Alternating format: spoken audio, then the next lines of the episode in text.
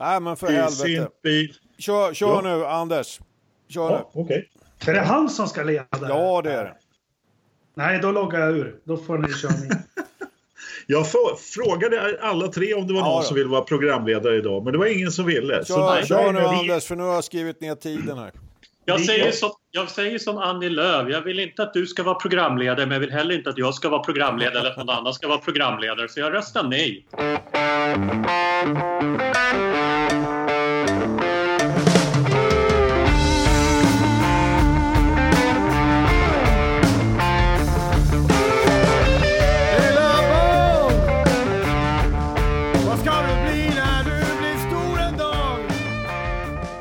Välkommen till Forza-podden avsnitt 25. Vi tänkte avhandla, eh, nu höll jag på att säga Mexikos eh, GP, Brasiliens GP i, det- idag. Och Anders, ska, Anders Ja. det, det var, det vart eh, för mycket kackel där precis. Kör, kör om inledningen. Så, börja nu. Hej och välkomna till den fantastiska podden Forza Motorsport. Idag ska vi avhandla Brasiliens GP. Jag tror också att det är avsnitt 25 eh, den här gången. Eh, med, med mig idag så har jag panelen bestående av en vilt viftande Ola Lennström. Vad vill du säga Ola? Jag vill bara vifta, men vad då med dig? Är det här något jäkla egenprojekt du har där du tar in oss som gäster eller? Ja, vi är inte, idag är vi inte med dig. Du ska vara glad att du är med oss. Vi skulle inte ha Ja. några gäster i podden. Nej. Ja, precis. Hör du, eh, Ja. Ola, varför har du inte varit med på sistone? För att jag varit utsatt för ett gravt fall av vuxenmobbning som jag tog upp med skyddsombudet i Forza Motorsport. Men det visar sig att vi inte har något.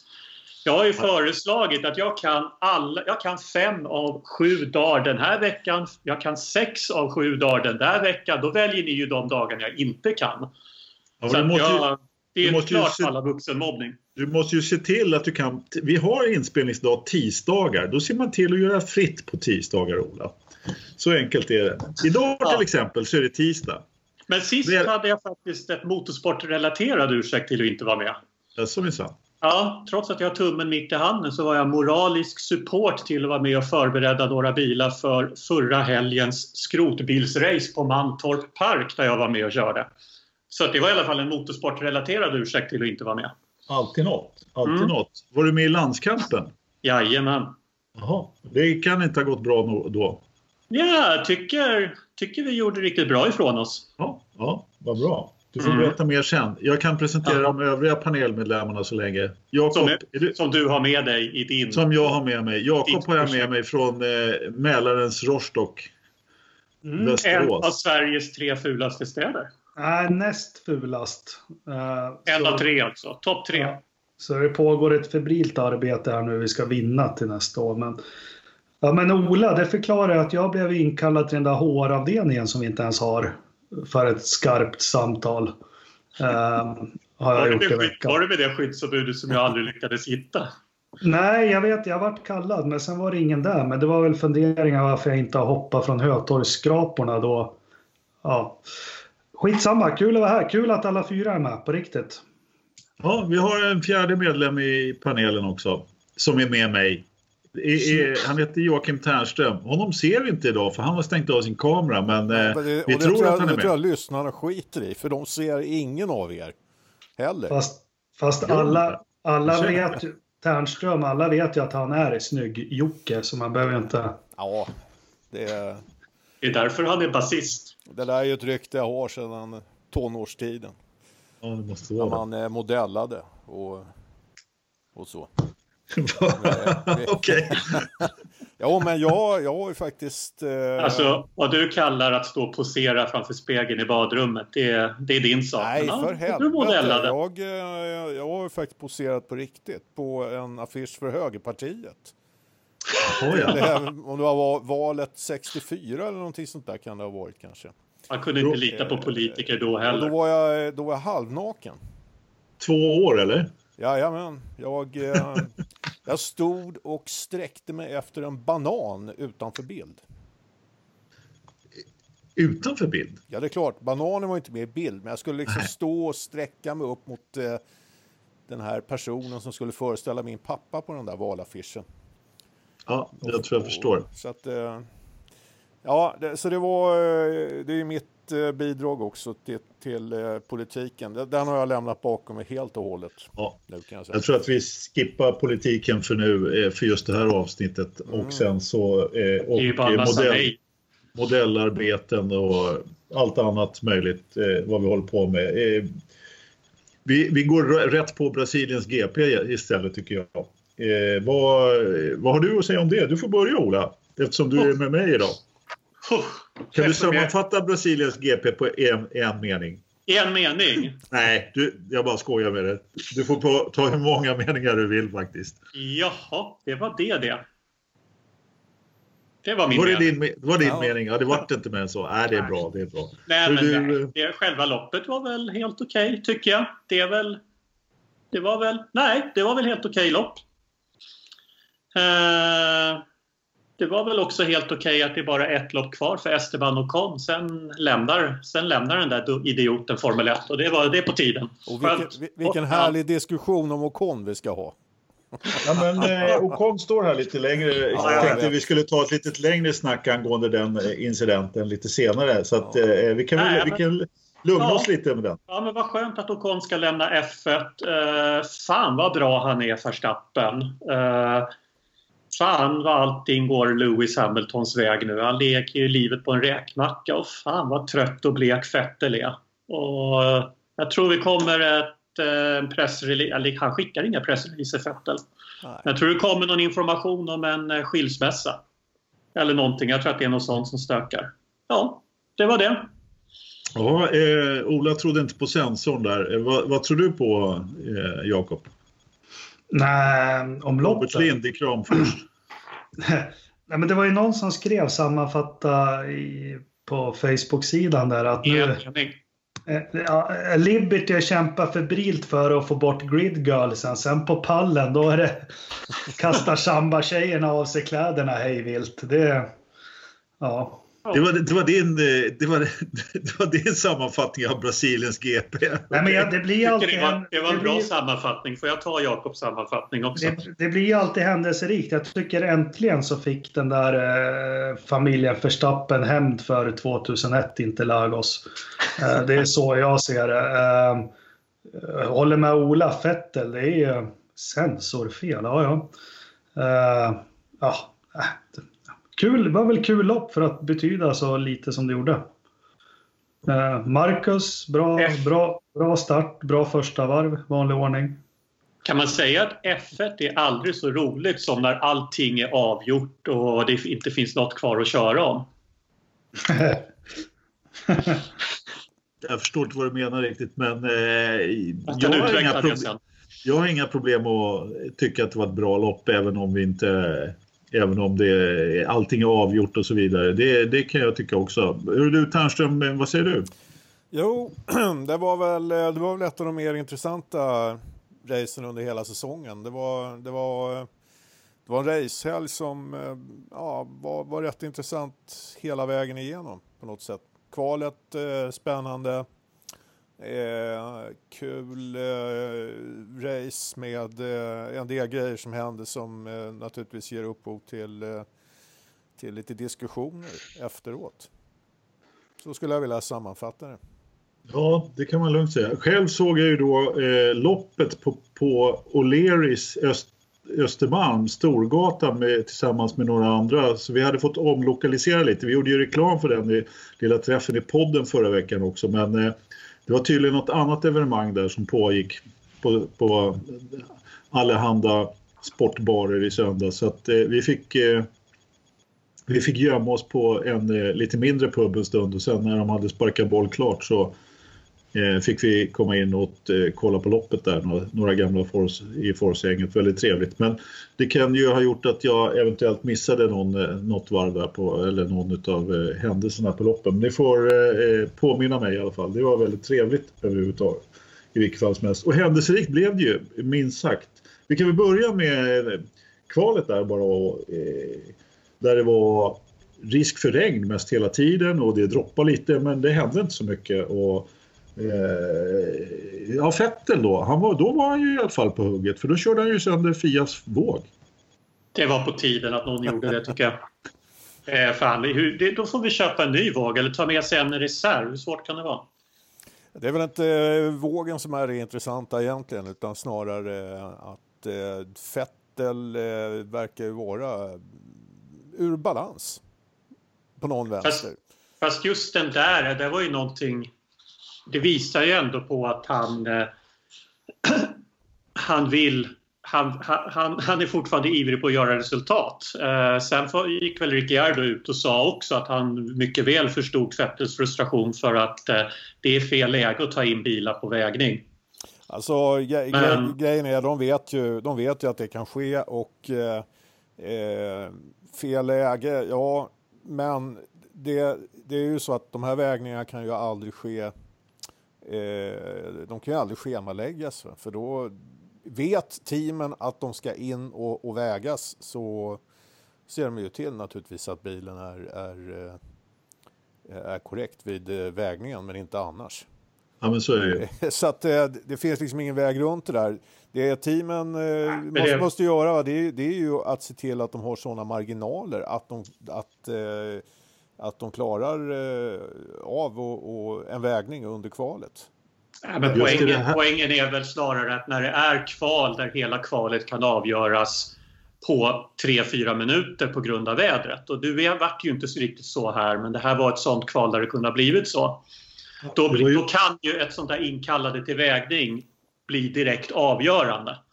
Ja, det var ju väldigt tajt där med vädret och man var, var väl på väg in och byta till soft om jag, kommer ihåg rätt. Va? Och eh, just att de, så det var väldigt där och uh, tajt. Det är sånt som kan skilja från att man är med och slåss om pool eller att man startar på 19 plats. Ja, men hans agerande och hans frustration, alltså frustrationen är ju en sak, men hans agerande är ju en helt annan som ju faktiskt hade kunnat kosta honom eh, betydligt mer än vad han eh, eventuellt hade kunnat tjäna på att eh, kunna åka ut igen och, och sätta ett kvalvarv till. Nu, nu slutade ju bestraffningen vid eh, Eh, ja, han fick väl någon varning där och så lite böter va? Eller han fick betala, ja, ja jag vet inte. Men, men eh, ehm, eh, det, det, är, är det, det, är svårt att se, alltså när en förare är så ur balans som han verkar vara liksom. Det, det är, eh, jag vet inte, det, där, det är Alltså han måste ju hela tiden agera på ett sätt som gynnar honom och hans resultat. Och det här riskerade att, att eh, faktiskt missgynna honom. Och då, då, måste man se det som en, en eh, brist. Liksom. Det hamnar på minuskontot på, på, på eh, Fettels karaktärsegenskaper just nu. Så Anders, du var, ditt ljud försvann där. Du var lite oroad över eh, Fettel där när han drog iväg eh, från, från vågen och sprätte ja. ett par plattor bakom sig. Ja, men jag bara tänkte om det var så att jag eh, hade träffat någon då kanske det hade sett annorlunda ut. Eh, det straffet han fick eventuellt. Så att de flög iväg en liten bit. Men äsch, det var väl mer ett uttryck för hans frustration lite så. Då. Du ska inte vara så, du ska inte vara så orolig Anders. Nej, jag är inte orolig. Inte för egen del, men för andras. Ja. Inte det heller. Nej, men i, i övrigt så var det ju ett eh, rätt intressant kval ur, eh, ur Sauber-perspektiv tyckte jag. Fan, det kan man lugnt säga. Det var, eh, de hade ju rejäl fart alltså. Det, det, de har ju fått ett ordentligt lyft här de sista racen känns det som. Och, och jag imponerades jäkligt mycket av eh, Leclerc i Q2 hur han eh, gick in och, och eh, liksom trots att eh, vä vä väderleken hade försämrats så förbättrade han sig. Han gjorde det som krävdes för att ta sig till Q3. Ja, det, var, det, det, var sjukt faktiskt. Och... Sa emot Sauber också. Han sa ja, emot teamet. Precis, precis. Jävla Sauber och inte ge Marcus regn så han kunde köra fort. ja, men, eh, Dåligt. Det, det, är just de här bitarna som imponerar så mycket med, med Leclerc och som du sa eh, Ola, han, han gick ju emot teamet och, och han, han, är, han vill vara herre över sitt eget öde liksom. Och han bestämmer sig för vad han ska göra och gör det och levererar. Och det är ju sånt där som, som eh, gör att han bygger upp ett förtroende för sig själv. eh, gentemot eh, teamet han ska köra för eh, framöver här. Och det var ju samma sak med eh, eh, framförallt inledningen av racet.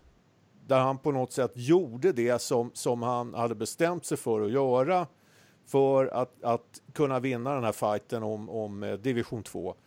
Eh, klippte dem han behövde klippa på, på första varvet och eh, fick precis det race som, som han hade bestämt sig för att han skulle få. Så där, det, där är, det där är världsmästartakter i den killen skulle jag vilja säga. Nej, men bra förare är inte bra för att de kör bil bra. Bra förare är bra förare för att de tar sitt, e sitt öde i sina egna händer och påverkar det. Mm.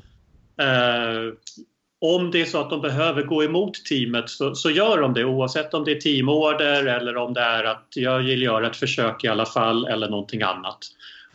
På gränsen till eller över gränsen till att vara arrogant. Men man behöver vara det. Man behöver vara lite av en skitstövel och ta ödet i sina egna händer. Och det, är, det är ju sånt som Leclerc lyckas ju med det. Sånt som Vettel, sånt som Hamilton och så vidare. Mm. De, det är, den typen av förare gör ju det. Alltså jag tycker inte man ska dra för stora växlar av att han, lite Lloyd sa att eh, när hans racingingenjör sa ja, ja, men gå i depå då. Nej, nej, jag vill försöka en gång till.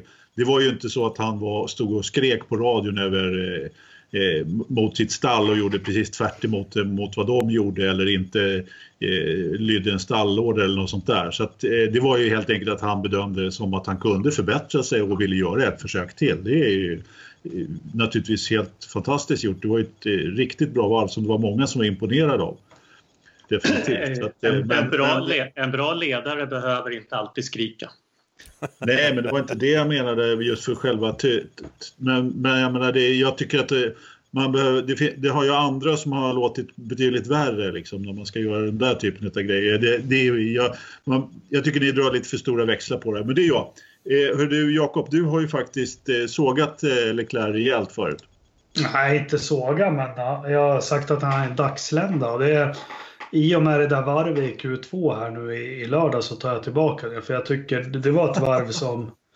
Ja men jag, jag är så pass fin så jag kan göra det. Jag har ju trott att han är en dagslända men där och då så visade han att han är något... Hur mycket du än försöker ta ner det där Anders så visar han att eh, han är en superstjärna. Eh, han testade och han körde fortare. Stalle ville ha in honom. Skulle, skulle varit Marcus då skulle han åkt in i depån och så skulle han stått och sagt och svarat jag är en teamplayer, det är min grej så jag gick i depå.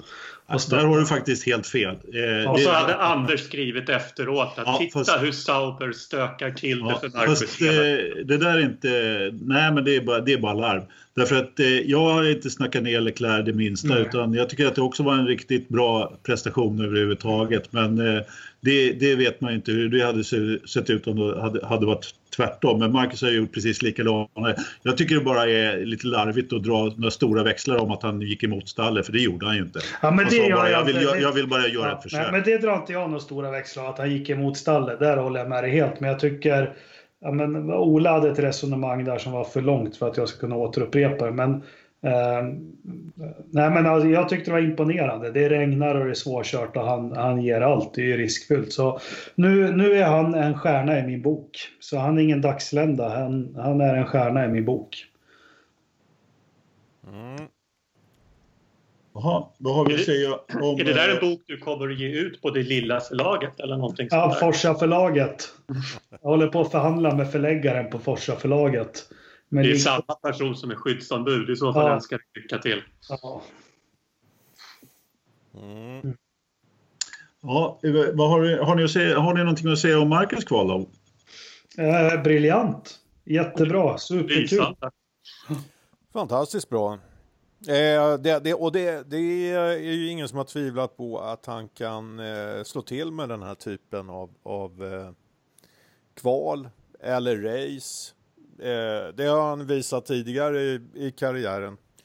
Eh, har man vunnit race i, i GP2 så, så kan man naturligtvis eh, blixtra till även i F1. Va? Men eh, problemet, eh, för nu eh, var det ju väldigt många inlägg som, som dök upp eh, eh på olika forum där, eh, där det var många som tog det här som intäkt för att eh, ja, men nu får alla Marcus-belackare eh, äta upp vad, vad, allt vad de har sagt för någonting. Nu visar han liksom hur, hur, bra han är. Och problemet är, har ju aldrig varit att, att eh, eh, liksom kunna göra den här typen av enskilda prestationer. Det handlar ju om att hålla en hög och jämn nivå. Liksom. Det är ju det han, där han inte har lyckats och det ändrar inte det här kvalet på.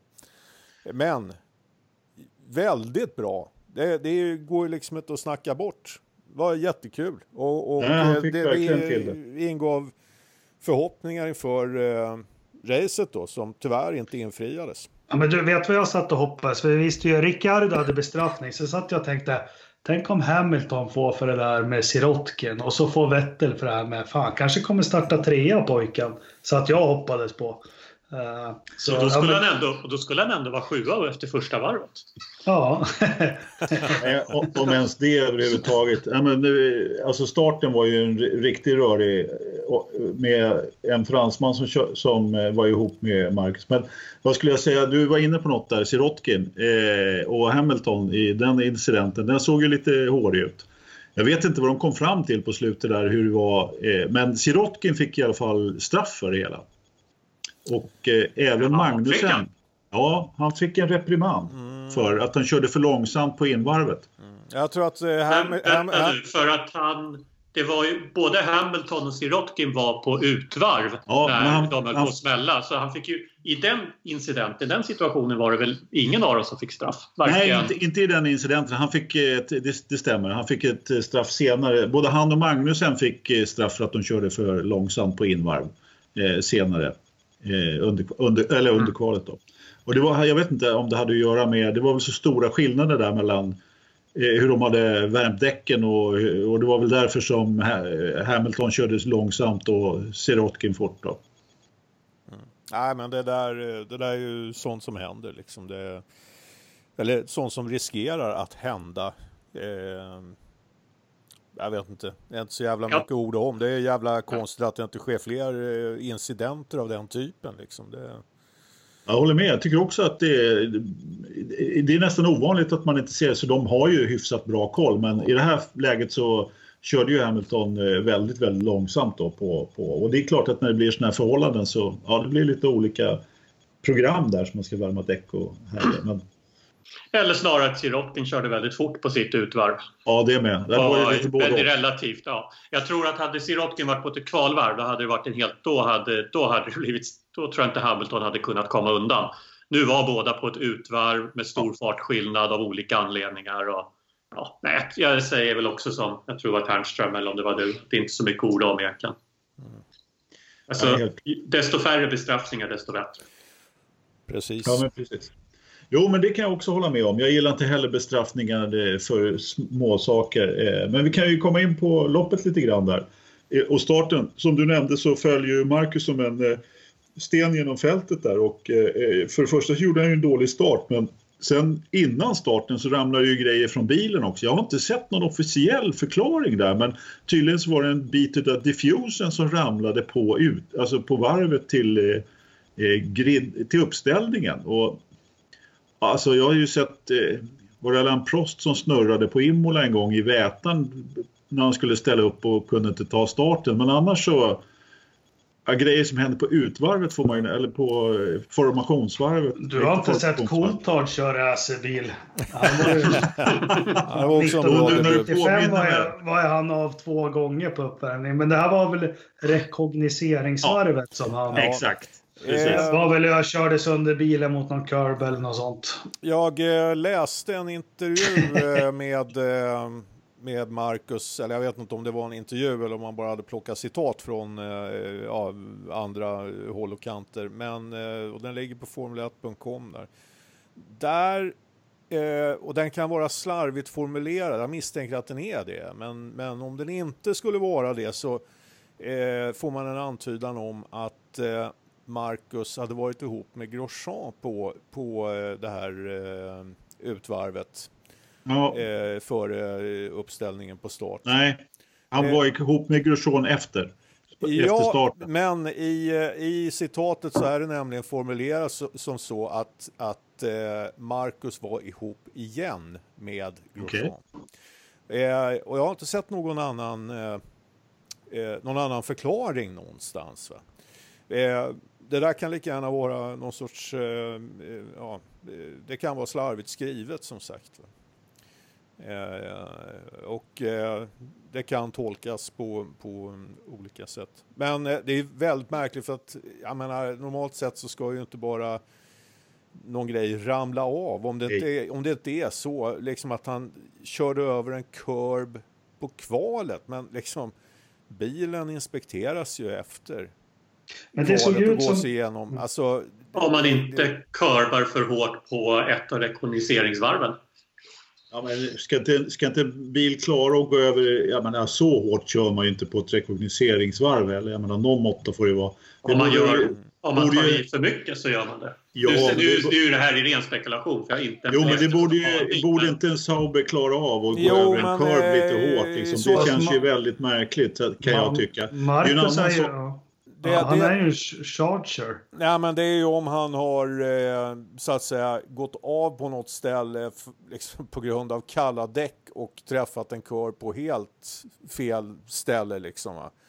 Då borde man väl med, med, bilder på det kan jag tycka. Med helt fel vinkel. Ja men visst kan man tycka det. Men, men eh, det är ju också märkligt att, att det inte har kommit någon förklaring överhuvudtaget på varför grejerna har ramlat av liksom. Det, det... Ja men det, Jo då, men det, någon förklaring kom det och det var just det här med att han hade gått på en korv. Eh, men inte, inte mer än så, annat än att eh, eh i någon bisats någonstans och, och att, att de försökte då, att de inte upptäckte det först och sen så var de bak på bilen och höll på att laga den på griden ja. men de fick ju inte ordning på det helt enkelt. Men och sen då, ingen information som jag har sett som har kommit från teamet i alla fall. Nej, inte från teamet. Nej, men men hör, hörni, det såg ut som en helt fyrkantig platsak som lossnade, eller? Ja, det var nog från golvet det när Grosjean var ihop med honom där på... Nej, men när bilden när Ricciardo är bakom honom i depån. Det, den, den släpper det, är den, det, är den bilden, det är den bilden man får se när ja. eh, Marcus och Ricciardo går i depån för ett ja. nytt rekognoseringsvarv och så trillar, det, trillar en bit från Marcus bil och Ricciardo ropar in till teamet och mm. vill att de ska kolla hans bil för den fastnade i hans bil. Ja, och så Ricciardo var ju också påtala hur lycklig han var att han hade Halo då också. Uh, nej men det var ju då det hände, den släppte ju, vad kan de ha kört, 60 km i timmen där i depågatan. Så det liksom, och den såg helt fyrkant ut grejen. Som, alltså den såg ju inte vital ut. Nu är väl allt vitalt på en Formel 1-bil men ja. Kan det varit något som har legat på banan, någon sten eller gummiboll eller något som har slagit bort det kanske? Ja, jag, tror ju, jag tror att det är Sauber som helt enkelt förstörde hans bil innan han åkte ut på rekognoseringsvarvet så att han... Eh, för att Leclerc är den som måste skina. Det är en konspiration. Nu, har de slu, nu, har de, nu kan de inte ge sig på motorn längre, nu måste de ge sig på bilen också. Nej, upprört. Upprörande är det. Ja, ja. han, han, hade väl, han hade väl ingen rolig bil att köra, det kan man väl ge honom det där när han kör av, det, det, släpper ju fast han kör sakta mitt i kurvan. Så det är konstigt att en sån där liten plastdetalj kan få sån inverkan på, på bilen. Ja, men det var ju inte så liten uh, detalj efter uh, påkörning med Grosjean. Nej, det och då var det ju större skador på bilen naturligtvis. Men uh, ja, dålig start av Marcus. det går ju inte att komma ifrån. Och Ja, nej, men det, det, är inte så jävla mycket mer att säga liksom. Smällen med Grosjean där, det, det är ju som det är liksom. Det, det är tajt i starten och det hände, men, men eh, det var ju på något sätt Marcus som eh, försatte sig själv i den situationen där, så att eh, det, det, är inte så mycket att säga.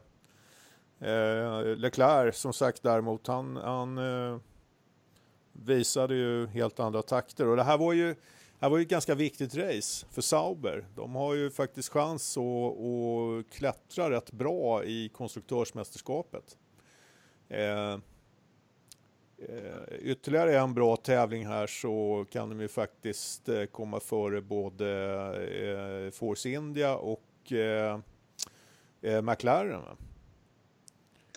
Ja, Force India har ju 48 va? och ja. McLaren har väl 50 va, om jag kommer ihåg det. Ja, precis. Men då, då blir de där möjliga extra poängen som Marcus kan ta kan bli jävligt viktiga alltså. Så att... Eh, de får väl se till att lappa ihop bilen bättre åt honom då. Ja, eller eh, så får han ge fan och köra över kurbsen. Vi vet ja. inte vad som har hänt. Det kan lika gärna vara Marcus fel, det kan vara teamets fel. Ingen verkar vilja ta på sig liksom någon, något ansvar för, för det som hände där. Så. Blame Ericsson. Jag tror, jag tror det är Saubers fel. De förstör. I och för sig så är det väl det där sånt som händer. Så att jag menar, det, det, det kan ja. ju vara hur, hur, hur det är med det liksom. Men just i, det känns ju inte riktigt troligt att det är något, eh, något, något liksom som har hänt precis på, på rekognoseringsvarvet. Eh, det måste ju ha varit någon skada innan, så känns det ju i alla fall. Så att, eh, men eh, vi får väl se vad som händer. Vad, vad höll Sainz och Hylkenberg på då, med då på första varvet? Höll de på med något? Ja, ja jo, nej, men eh, Hulken eh, tryckte väl till Sainz där va? Upp mot eh, sista böjen eh, på första varvet. Ut mot eh, start och mål där. Nej men han, eh, vad fan då? Sainz eh, ska ju spela andra fiolen liksom. Det, det är väl inget att Nej. Jag tycker det, det, det, är också en sån där grej. Va? Det, det, det vart eh, lite onödigt av eh, Hulken. Kan man ju tycka. För de hade ju nästan kunnat gått ihop där. Om det hade gått ja, det såg ju definitivt så ut i alla fall. Ja, men det såg nästan ut som att han höll på med något omkörningsförsök eller någonting. Jag vet inte. Nej, men han ville väl eh, han ville markera Visst. där mot eh, Sainz att han skulle släppa inför den där böjen. Liksom, att här, det här är jag som ska gå in först. Liksom. Ja. Så att, eh, men eh, nej, inte heller så jävla mycket att snacka om. Jag, jag tycker den typen av eh, markeringar där som som Hulken sysslar med där, det är han inte ensam om i F1 och jag gillar inte det sättet liksom att köra racerbil. Det, det där pysslar man ju inte med i Indycar till exempel. Nej. Där hade det ju där hade det blivit en en eh, stållinjal rakt över fingrarna på Hulken. ja, nej men eh, vi kryper oss väl eh, längre och längre framåt eh, Förstappen och Conny-incidenten där. Det var ju eh, Förstappen gjorde ju en hyfsad uppkörning genom loppet i alla fall, får man ju lugnt säga. Han gjorde ju en och annan snygg omkörning. Eh, han plockar väl både Bottas och Fettel och. Kimi plockade han också va? Ja, då. Ja, han plockade ju alla till slut för han ledde. Ja, ja. jo precis. Jag bara funderar på hur långt bak han var när han började köra om. Men eh, i vilket fall som helst så det som alla pratar om efter loppet är ju naturligtvis då eh, Ocon-incidenten. Eh, Vad har vi att säga om den då? Ja, jag fattar inte. Jag tror jag slaggade när det hände, men jag har kollat på det. men han stod ju, men alltså, tänka på Senna Brasilien 1990 gör han samma grej när han ska om Nakajima. Minns ni det? Nej. Jag minns Senna och Irvine på Suzuka. Ja, men alltså jag är inne på, det var ju någon smart som skrev i tråden, alltså ja, han förstör racet för, med så jävla onödigt liksom. Och Kong, vad ska han göra då? Vad, vad ska han göra? Så här ser jag på det. Eh, när du är varvad, då är ditt race över. Då handlar ditt race om att hitta lite småfighter mellan, mellan när ledarna ska förbi och varva dig. Och det är klart och tydligt i reglerna, så kan man tycka vad man vill om det. Är du i en fight och du ska bli varvad av ledarna, då avbryter du den fighten, slår av på gasen, kliver undan, släpper förbi ledarna. Samma ska gälla om du, du har rätt att ovarva dig och köra om ledaren om du är snabbare i den delen av loppet. Men då gäller samma sak. Då ska baske mig du göra det först när ledaren kliver av gasen och visar tydligt ja men du får köra om mig. Vad man inte gör som varvad förare är att försöka plocka ledaren på ytten in i kurva 1 för att sen hålla spåret in i kurva 2 där på interlaget. Alltså, du gör bara inte så. Han var ett varv efter. Han får köra om Verstappen. Han får köra om ledaren, men då ska han se till att göra det på ett ställe där det är noll risk för incident. Noll risk.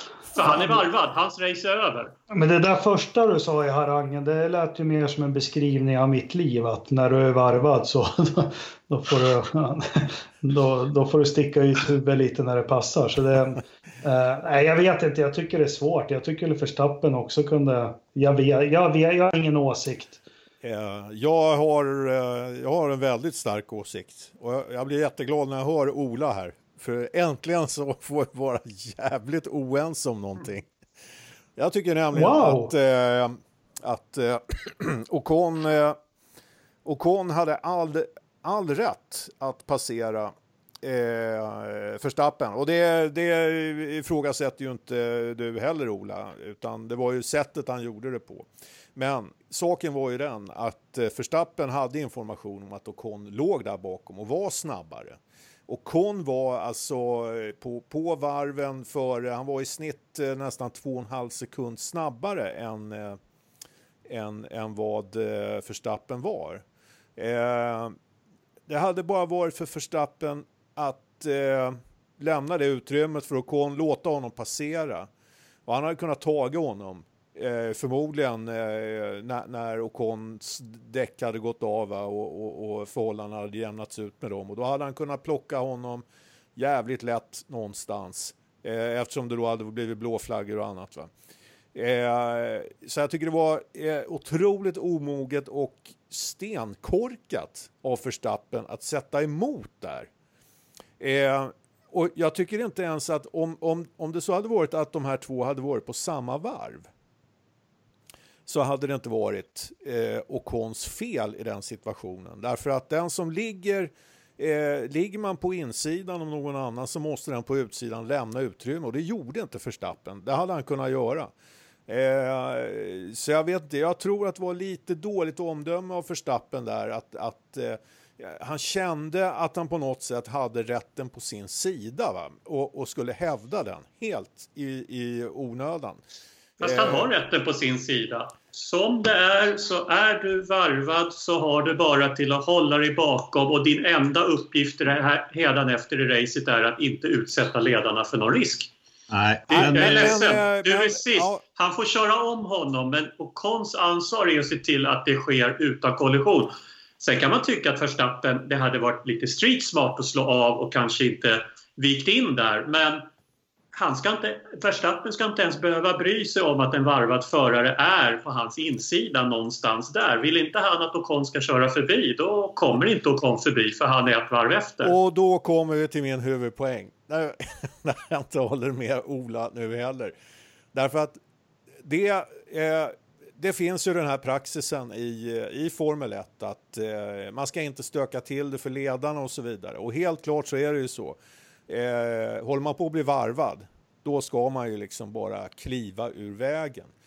Eh, men det här, eh, alltså den här, det här förhållningssättet till eh, det här med, med, med, varvade förare och så vidare och, och att ledarna på något sätt ska eh, åtnjuta en sån jädra särbehandling. Den härstammar ju från slutet av 90-talet. Jag kommer inte ihåg om det var Schumacher Villeneuve eller Schumacher Hill, va? Men, men, men det skulle avgöras på, på sista racet. Och alla andra jävla deltagare gick ut och sa att nej, men vi kommer inte att, vi kommer inte att göra något motstånd. Liksom. Vi kommer att flytta på oss. Men vad fan, det, det är ju inte vad man vill ha. Fast alla eh, gjorde ju det utav Fontana. Ja, men alltså ja.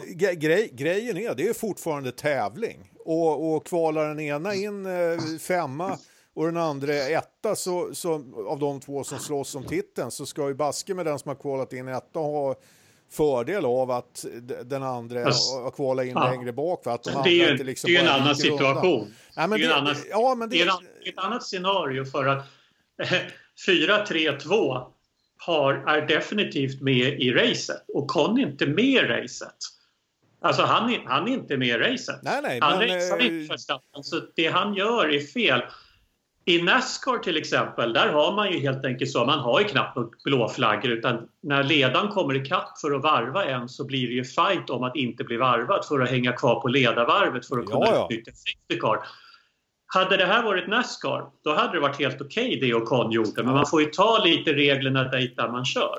Uh, nu är inte det här Nascar, nu är det här Formel 1. Nu är reglerna så här och jag tycker, jag tycker faktiskt inte att det är särskilt orimligt att om man är ledare så ska man helt enkelt då ska du som varvad förare inte utsätta ledaren för någon risk. Så, så enkelt är det, varken när du blir varvad eller när du har blivit varvad och inte tycker om det. det jag, jag, kan säga min, eh, min lilla åsikt om den här incidenten också. Jag tycker att Ternström har ju, säger en, nyc, en nyckelsak här och det är dåligt omdöme. Det är ju Max dåligt omdöme för Stappen. Han har ju dåligt omdöme vad han än gör den karln. Så enkelt är det ju bara. Han, han har gör fantastiska omkörningar både här och där men så när det väl hettar till eh, då, som då en sån här lite speciell incident då med, med och, och, när Ocon.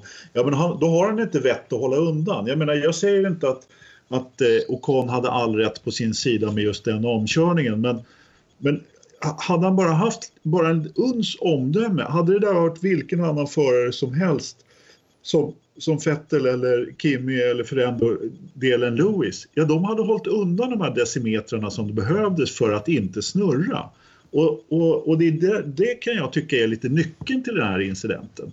Därför att eh, Ocon, ja det är klart som tusan han vill ovarva sig så snabbt som möjligt. Ja visst, han hade kunnat vänta tills han hade fått eh, DRS på, på nästa raka och, och så vidare. Nu gjorde han inte det och i de lägena så, så, så där har ju problemet med för, hela Verstappen och hur han är, han är han, eh, det är bara han och ingen annan som gäller överhuvudtaget. Istället för att, att krascha hade han kunnat vunnit loppet och han har ingen annan än sig själv att skylla. Han kan definitivt inte skylla på Ocon, tycker jag i alla fall. Så jag håller inte heller med där. Men eh, vi vet ju kan... också vad, vad FIA-domarna tyckte om det hela och han fick ju, Ocon fick ju 10 sekunders stop and go. Det, det straffet som, eh, ja det har man ju inte sett på, rätt, på väldigt länge och ja, det kan man ju tycka. Jag tyckte också att precis när jag såg det att det var att han, vad håller karln på med egentligen? Men så här i efterhand så måste jag ju ändå ge Ocon lite mer eh, space och framförallt så är det inte så att eh, Ocon, eh, vet du, Ocon gjorde fel men om Verstappen bara hade varit lite kall i det där läget så hade han kunnat vinna det där. Alltså, det, det, det finns ju en, Fast, det finns ja, ja, men det tar ju inte bort att, ja, att Ocon var ute och cyklade i händelsen. Nej, nej, jag tar inte bort att han var ute och cyklade överhuvudtaget. Utan det är ju just det att det om Verstappen hade tagit det lite hade... lugnare istället så hade, hade det ju funkat. Så att, ja, ja, man... men han hade kunnat ställa sig på bromsen vid 200 meters skylten på rakan så hade det inte varit något problem. Absolut, det är ett argument man kan ha. Det är säkert någonting Verstappen kommer att ta med sig framöver precis som att han har tagit med sig och blivit jäkligt mycket vassare för varje annan grej han har gjort. Det är det som det jag tror är, är, det stora problemet med Verstappen att han tar sig inte mer, han, han lär sig inte av det här misstaget. Men vi får väl se, det, det kan vara så att han gör det i alla fall. Att han har gjort det, men eh, samtidigt Verstappen ska inte ens behöva tänka tanken i den situationen att det, det är sorgligt att jag ska behöva att det ska behöva vara så kan jag tycka. Man ska inte ens behöva i sin ledarsituation där tänka tanken att jag måste se efter och se vad jag har Ocon för han är ett varv efter och vill köra om mig. Han ska inte ens behöva tänka det. Ja. Inte i den situationen. Han kan tänka att jag ser att Ocon är het, jag har fått informationen. Jag släpper honom på nästa raka då, så får Precis. han väl köra förbi. Men... Uh... Ja, men det, det nu vet, jag menar, nu har inte vi... Uh, vi såg nog inte... Eh, sekvensen eh, före den här händelsen och det har man kanske behövt göra. Jag vet inte hur mycket Ocon kände att han var, var eh, eventuellt bromsad liksom av, av eh, Verstappen och jag vet inte heller hur det var sitter ju en rätt bra motor i, i Force Indian så att eh, rimligen borde han väl kunna ha gått rätt bra rakt fram. Det är också en annan sida av myntet att eh, Red Bull har ju ett motorhandikapp och vi vet ju att det finns ju även om du är lite snabbare så är det två, två typer av bilar i Formel 1 idag du inte vill hamna bakom och det är en Williams och det är en Force India. För att de är så fruktansvärt snabba rakt fram. Och det finns ju också en anledning till Verstappen att inte vilja släppa förbi sig och kom. För att vi vet ju också att du tappar ju väldigt mycket tid i Formel 1 genom att ligga 2-3 sekunder bakom en annan bil. Och han hade ju bara några sekunders lucka till Hamilton. Så varför ska han ta risken att släppa förbi sig en en Ocon som är varvad, snabb på rakerna, långsam i kurvorna och han får en bil framför sig som stör luften för honom. Så ja, att, eh, jag tror att han hade ju, jag menar, han hade ju om, han, om han hade släppt Ocon så hade han ju passerat Ocon ganska snart igen tror jag. och då med hjälp av, av, med hjälp av blå flagg. Ja, det, den, han hade kunnat kanske få tillbaka den tiden han, eh, han förlorade. Han kan ha fått bra drag på en eh, raka också. Eh, så att... Eh, eh nej, men eh, visst, jag, jag, alltså, sett utifrån hur reglementet ser ut och så vidare. Eh, ja, men då är det väl så att Ocon ska, ska ha en bestraffning. Hade det här varit en en racingincident mellan två förare på samma varv, då anser jag att eh, då, då låg nog större delen av skulden på, på Verstappen för att skyldigheten ligger på den på utsidan och, och lämna. Då hade det nog inte blivit ett straff tror jag, för någon av dem. Men nu, nu var det inte det som var situationen. Eh, Å andra sidan, Ocon gör sitt sista F1-race eh, om två veckor, en vecka. Så det är ju skönt. För den här gången i alla fall så gör han det. Vi får väl se hur det blir sen eh, om man kommer tillbaka. Den är ju, inte, den är ju heller inte satt sista, sista, de absolut sista eh, vet du, platserna. Men eh, vad skulle jag säga?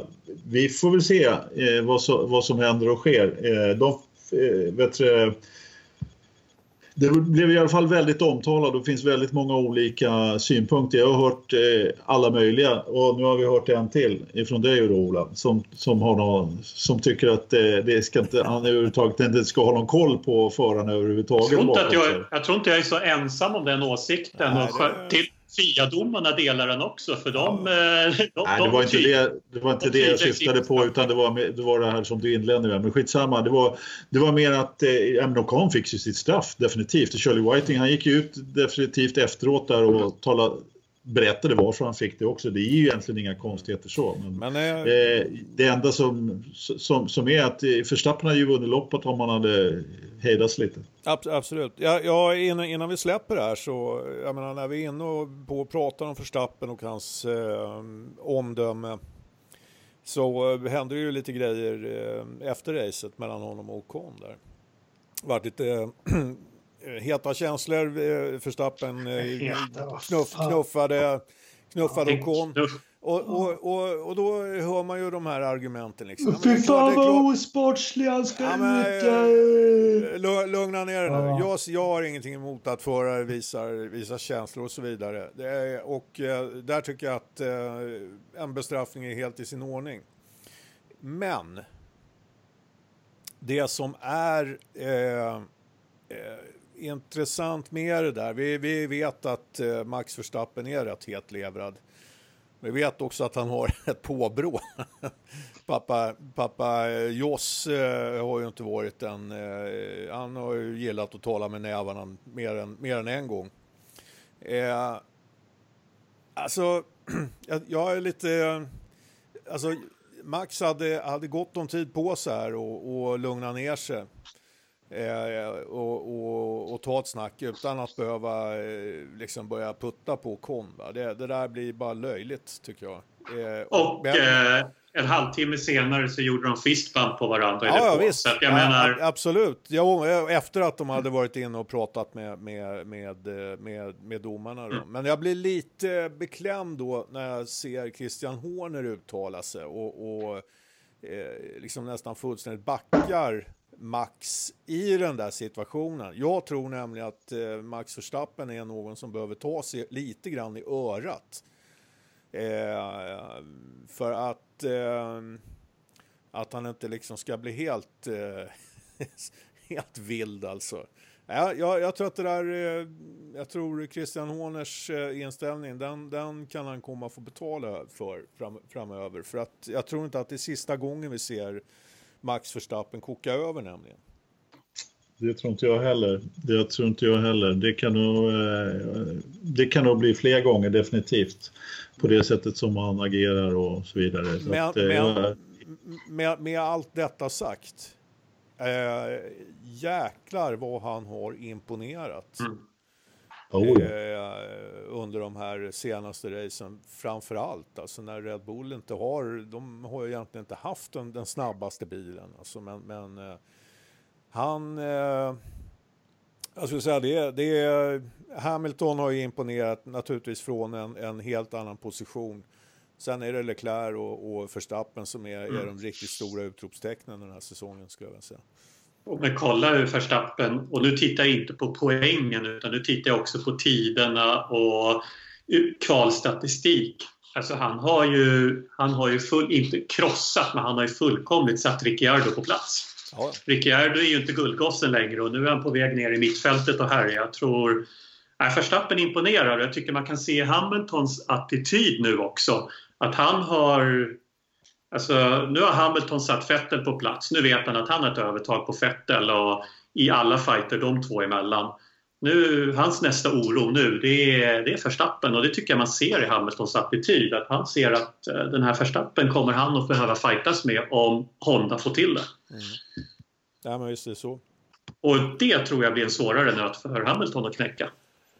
Det kan det absolut bli. Det kan det absolut bli. Eh, sen är, är ju Verstappen är ju eh, Alltså hans, hans eh, lägsta nivå är också ganska hög. Va? Jag menar visst, han kommer säkert att göra en och annan dumhet och han kommer att koka över och så vidare. Eh, men eh, det känns som att han har det som behövs för att Mm. och liksom kunna, kunna utmana om titeln, om materialet medger det. Alltså.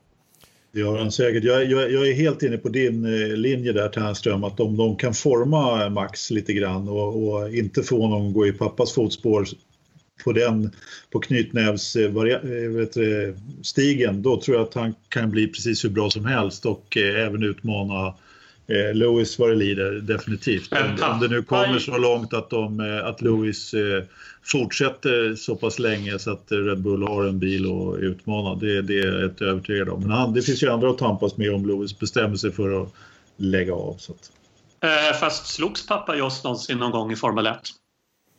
det vet jag inte om han slogs i Formel nej. 1. Men Jag tror att han det- slogs han på var- många andra ställen. Ja, han slogs på en gokartbana och han slogs hemma i huset någon gång. Men Ja, eh, precis. Slog, slogs Ja, han i men- Formel 1? Slogs han sin racingkarriär? Den, ingen var, var så det. kort, han hann inte. Han, Nu har jag suttit tyst i 13 minuter här. Eh, har jag gjort. Så jag tar 13 till nu. Okej. Nej, men eh, alltså, fan, det var bra att han... Det var ju bara några sådana här klappar på axeln. Det var ingen fara. Jag, jag är helt säker på att det var show också, för han drog ju det där. Om jag ser honom nu, då jävlar, så ska han visa sig på styva lina. Sen var han ju... Fan, sänk han ordentligt nästa gång. Pang! Sen finns det ju en gammal historia mellan de där två som verkar vara rätt infekterad redan från gokarttiden. Eh, det låter ju som att Ocon har varit med och provocerat i, in i depån rätt hårt också. Men, men personligen, jag tjatar ju om dramaturgin. Det är, Mm. Jag vill se, eller jag vill inte se folk slåss, men Jo, jag vill se det- känslor och liksom det. Jag tycker det var, det var uppiggande, det var kul. Ja, Och så är det några grinolla på vår Facebook-sida. Bara, "Äh, Fy fan vad osportslig när han visar sitt. Killen vill vinna. Han vill vinna matcher, han vill vinna lopp. Han blir tjurig när han inte får göra det. Fan, ni skulle sett mina tioåringar som spelar hockey när Strängnäs kvitterade till 3-3 när det var någon minut kvar. Hur det såg ut i det omklädningsrummet. Det skulle alla Forsa-anhängare... Gick de Forsa- iväg och slogs på, slog motståndarna? Var de var besvikna. De, det, motståndarna var i ett annat omklädningsrum. Men Ja, men Ja. precis. Slags, slagsmål hör ju till i hockey. Mer sånt. Om man är på Ja. planen ja, så får man ju tackla Sara lite bra. Nej, Nej, jag, men jag, just att visa känslor och besvikelse. Det, jag ja, tyckte men då det får var... man väl gå iväg och göra det. Det var ju som någon sa här. Då, då, han, var ju, han hade ju halva loppet på sig att lugna ner sig. Ja, men så nu- att, jag nu menar, det där var ju bara att- fånigheter. Men men tänk lite historiskt alltså. Ja, nu tycker vi så här. 82, Piqué spöar på Salazar. Det är ju ett kultklipp nu. Visst. Schumacher går till attack mot Coulthard på Spa 98. Det är kultklipp som alla vill se.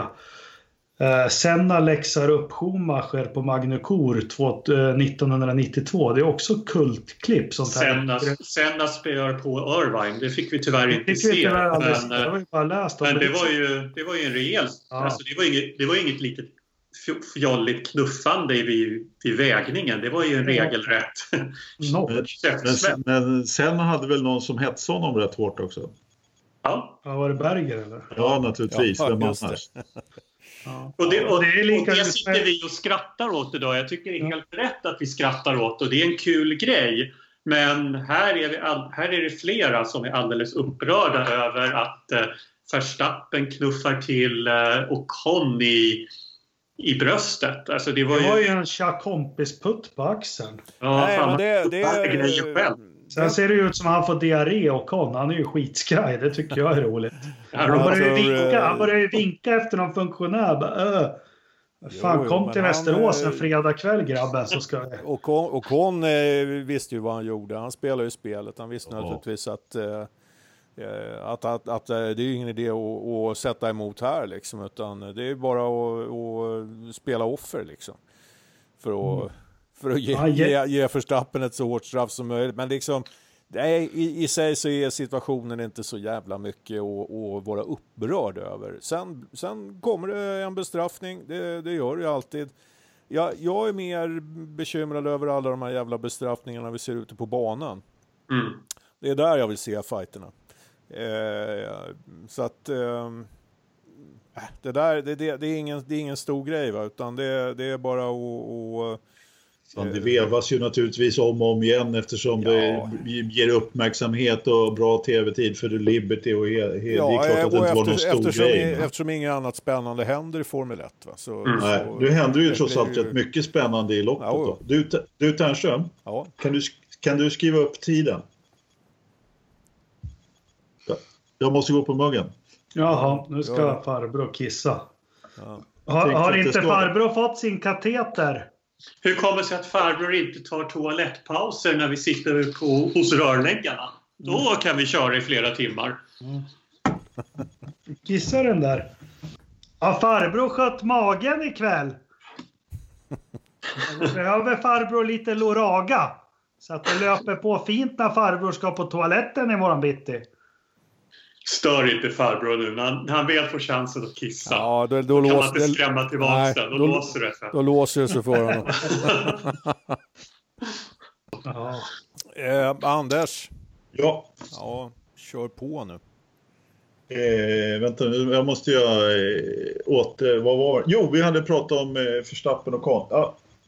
Okej, då fortsätter vi. Ja, Ja. men eh, då kanske vi har avhandlat eh, Verstappen och Kahn-incidenten en stund, eller så det räcker. Det lär nog pratas om den fortfarande eh, ett tag här efter misstänker jag och förmodligen vevas då i samma klipp som eh, de här som du nämnde Jakob, eh, garanterat. Vad nej, ja. då? five greatest punches in Formula One.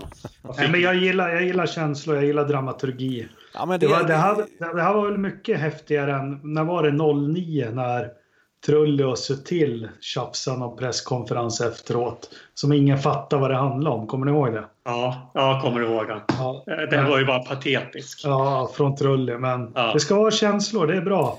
Ja, men eh, gre- grejen är, jag vill också se känslor. Men det, det är det att jag, jag känner liksom någon... någon eh, det, det finns liksom någon oro i, i eh, bakgrunden där när det gäller just Max. Och det är ju för att man vet hur eh, farsan var. Liksom. Jag hoppas att han inte är liksom lika obalanserad som, som pappa Joss. Men, eh, eh, och, då, och då är det helt okej Han- om man visar känslor. Det, det, är, det är säkert. Han är säkert en skitstövel. Till att börja med en holländare. Så att han är en god bit på vägen. Men eh, Ja, ja, vi får väl se. Alltså, det här det är ju, det, det är väl hans, det är hans stora grej att jobba med om han ska ta klivet från att vara briljant under som han har varit i år till att faktiskt bli en riktig världsmästarutmanare. Det är, alltså, gre gre grejen är att ehm, om, jag menar, om man nu ska bli den här storstjärnan, om man ska bli världsmästare och så vidare. Va? Det, det ställer en hel del krav på eh, hur man beter sig i det läget. Eh, hittills har vi ju bara haft världsmästare som har, har eh, varit eh, ordentliga föredömen för, eh, för omvärlden på något vis. Va? Eh, det, det, värsta, det, ja, men det, värsta, det värsta är väl kanske Nelson Piquet, va? Men, men värre än så blir det väl inte. Vem, Senna. vem- Senna, ja men han... eh, Ja, det, det, jag vet inte. Men Det James Hunt en- sänkte ju en funktionär också får du inte glömma. Ja, det gjorde han ju. Ja, vi lägger ner den här diskussionen. Nej, men det tråkiga i F1 idag är att du måste ju, du måste ju polera av de här sidorna för framförallt idag så blir det ju sånt jäkla liv. Ja, det ser vi med Verstappen-grejen här. Det blir sånt jäkla liv om en ganska liten struntsak kan jag tycka för att alla har så lätt att bli kränkta med, med alla kommunikationsinstrument vi har idag. Så att eh, som idrottare så måste du ju polera bort det här för det är bara ett störningsmoment mindre du har att jobba med om du får bort det. Var lite blek och segla igenom det som Fast- Hamilton man, också eh, har upplevt. Jag menar Hamilton har också polerat av sig. Nu säger jag inte att han var den som slogs men han har ju gått från att väcka vara kontroversiell till att polera av sig för att det helt enkelt är lugnare runt omkring och det är lite tråkigt. Jag tror att det sker på bekostnad av att vi har färre profiler emot, i sporten. Nej, vad fan, det där köper inte jag inte någonstans överhuvudtaget. Du måste kunna, liksom, kunna visa känslor utan att börja, börja knuffa på folk. Det där är bara dumheter tycker jag, rent, personligen. Men vänta, var, var det inte det Ola sa nästan? Jo. Eller? Nej, men han sa ju att man måste polera bort saker. Jag menar, du kan väl Ja, visa men- känslor utan att liksom knuffa på något. Polera bort en sån Ja, jag- grej. Det, jag menar, det är ju, då behöver, måste du ju naturligtvis... eh, Det, det är väl klart att du liksom... Det är väl ingen som vill se medietränade Formel 1-förare som säger samma saker hela tiden. Det har vi ju sett flera gånger i år med, med Magnusen och, och liksom som, som är lite profiler och så vidare. När det gäller Verstappen så är det ju liksom bara dumheter. Du kan ju, måste ju kunna visa känslor utan att och knuff, hålla på och bråka med folk i, i vägningsrummet. Men det, det gör Jag, jag, ingenting. tror, jag tycker att just den är en ganska strunt... Det är en struntsak som får väldigt stora proportioner och det absolut enklaste för Verstappen är såklart att sluta med det och polera bort alla sidor. Nu säger jag inte att det är det sättet man ska visa känslor på men jag säger att vi har så lätt att bli kränkta och ropa högt och skrika högt över väldigt små saker som gör att vi får, vi får till slut de idrottare vi förtjänar. Vi får, vi får världsmästare som polerar bort det mesta för att det är helt enkelt enklast för dem också. Och det är dit Verstappen kommer att gå, helt övertygad. Han kommer att städa sig också. Och han kommer jag, att ha mindre utbrott på radion och han kommer absolut inte att visa känslor på samma sätt efter loppen när han är frustrerad. För det kommer att vara ett mindre störningsmoment för honom om han inte gör det. Men det kommer också vara att det blir en, det är en blekare Verstappen än vad vi annars skulle ha fått. Det tror inte jag och jag håller inte med någonstans faktiskt. Men eh, vi lämnar det därhän och så tar vi oss vidare lite grann. Vad, vad skulle jag säga? Det händer ju lite annat i, jobbet, i, i loppet också. Eh, eller annat och annat. Jag vet inte, vi har ju diskuterat Brasiliens GP både upp och ner men det är McLaren hade ju ingen vidare lopp. Det har de inte haft. På, menar, de har ju rasat ännu längre ner i träsket. Nu var de till och med ja. efter Williams. Alltså, hur, hur går det där egentligen? Ja, men det är väl inget att snacka om. Alltså det, det är ju ett... eh, Det kan ju inte gå sämre liksom. Det, Nej. Vad fan, det, de är helt under isen. Men det kan mycket väl vara så, jag menar de, de kanske har eh, släppt tankarna helt och hållet på det här året och, och, ägnar väldigt mycket fokus åt eh, 2019 och li, lite fokus på, på Indy 500. Ja, jo, det lär det bli också. Men, och båda två blev straffade. Både Van Dorn och Alonso fick straff fem sekunder för att, eh, för att ha ignorerat blå flagg också dessutom. Ja. Nej, men det eh, fanns, väl lite, fanns väl en del andra grejer där som var, var intressanta. Eh, tycker att eh, Kimi Räikkönen gjorde, gjorde ett bra race. Vettel var ju väldigt, väldigt blek. Eh, det pratas om någon sensor som, eh, som inte funkade och som gjorde att han var tvungen att köra med inställningar som gjorde bilen väldigt svårkörd. Eh, det kanske var så. Jag, jag, jag vet inte. Jag, jag vet bara att han fick ju han fick ju släppa ett antal förare framför sig liksom, som han normalt sett ska vara före. Eh, Alltså, han släpper ju inte Kimi på det sättet om han inte har något problem med bilen. Det hade han ju aldrig gjort. Det, han såg ju väldigt blek ut så att eh, någonting var ju. Det, Ja, eller också så är han så blek eh, att han, eh, att han inte... Han har inte... Jag, menar, jag tycker ju Kim har ju matchat Vettel ganska bra här på...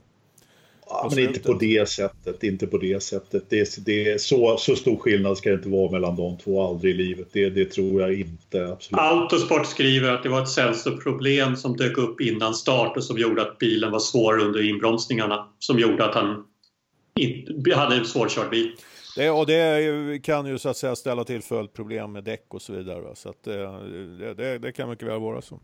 Eh, Bottas, vad, vad ska vi säga, säga om honom? Det var, han matchar ju inte Hamilton för fem öre.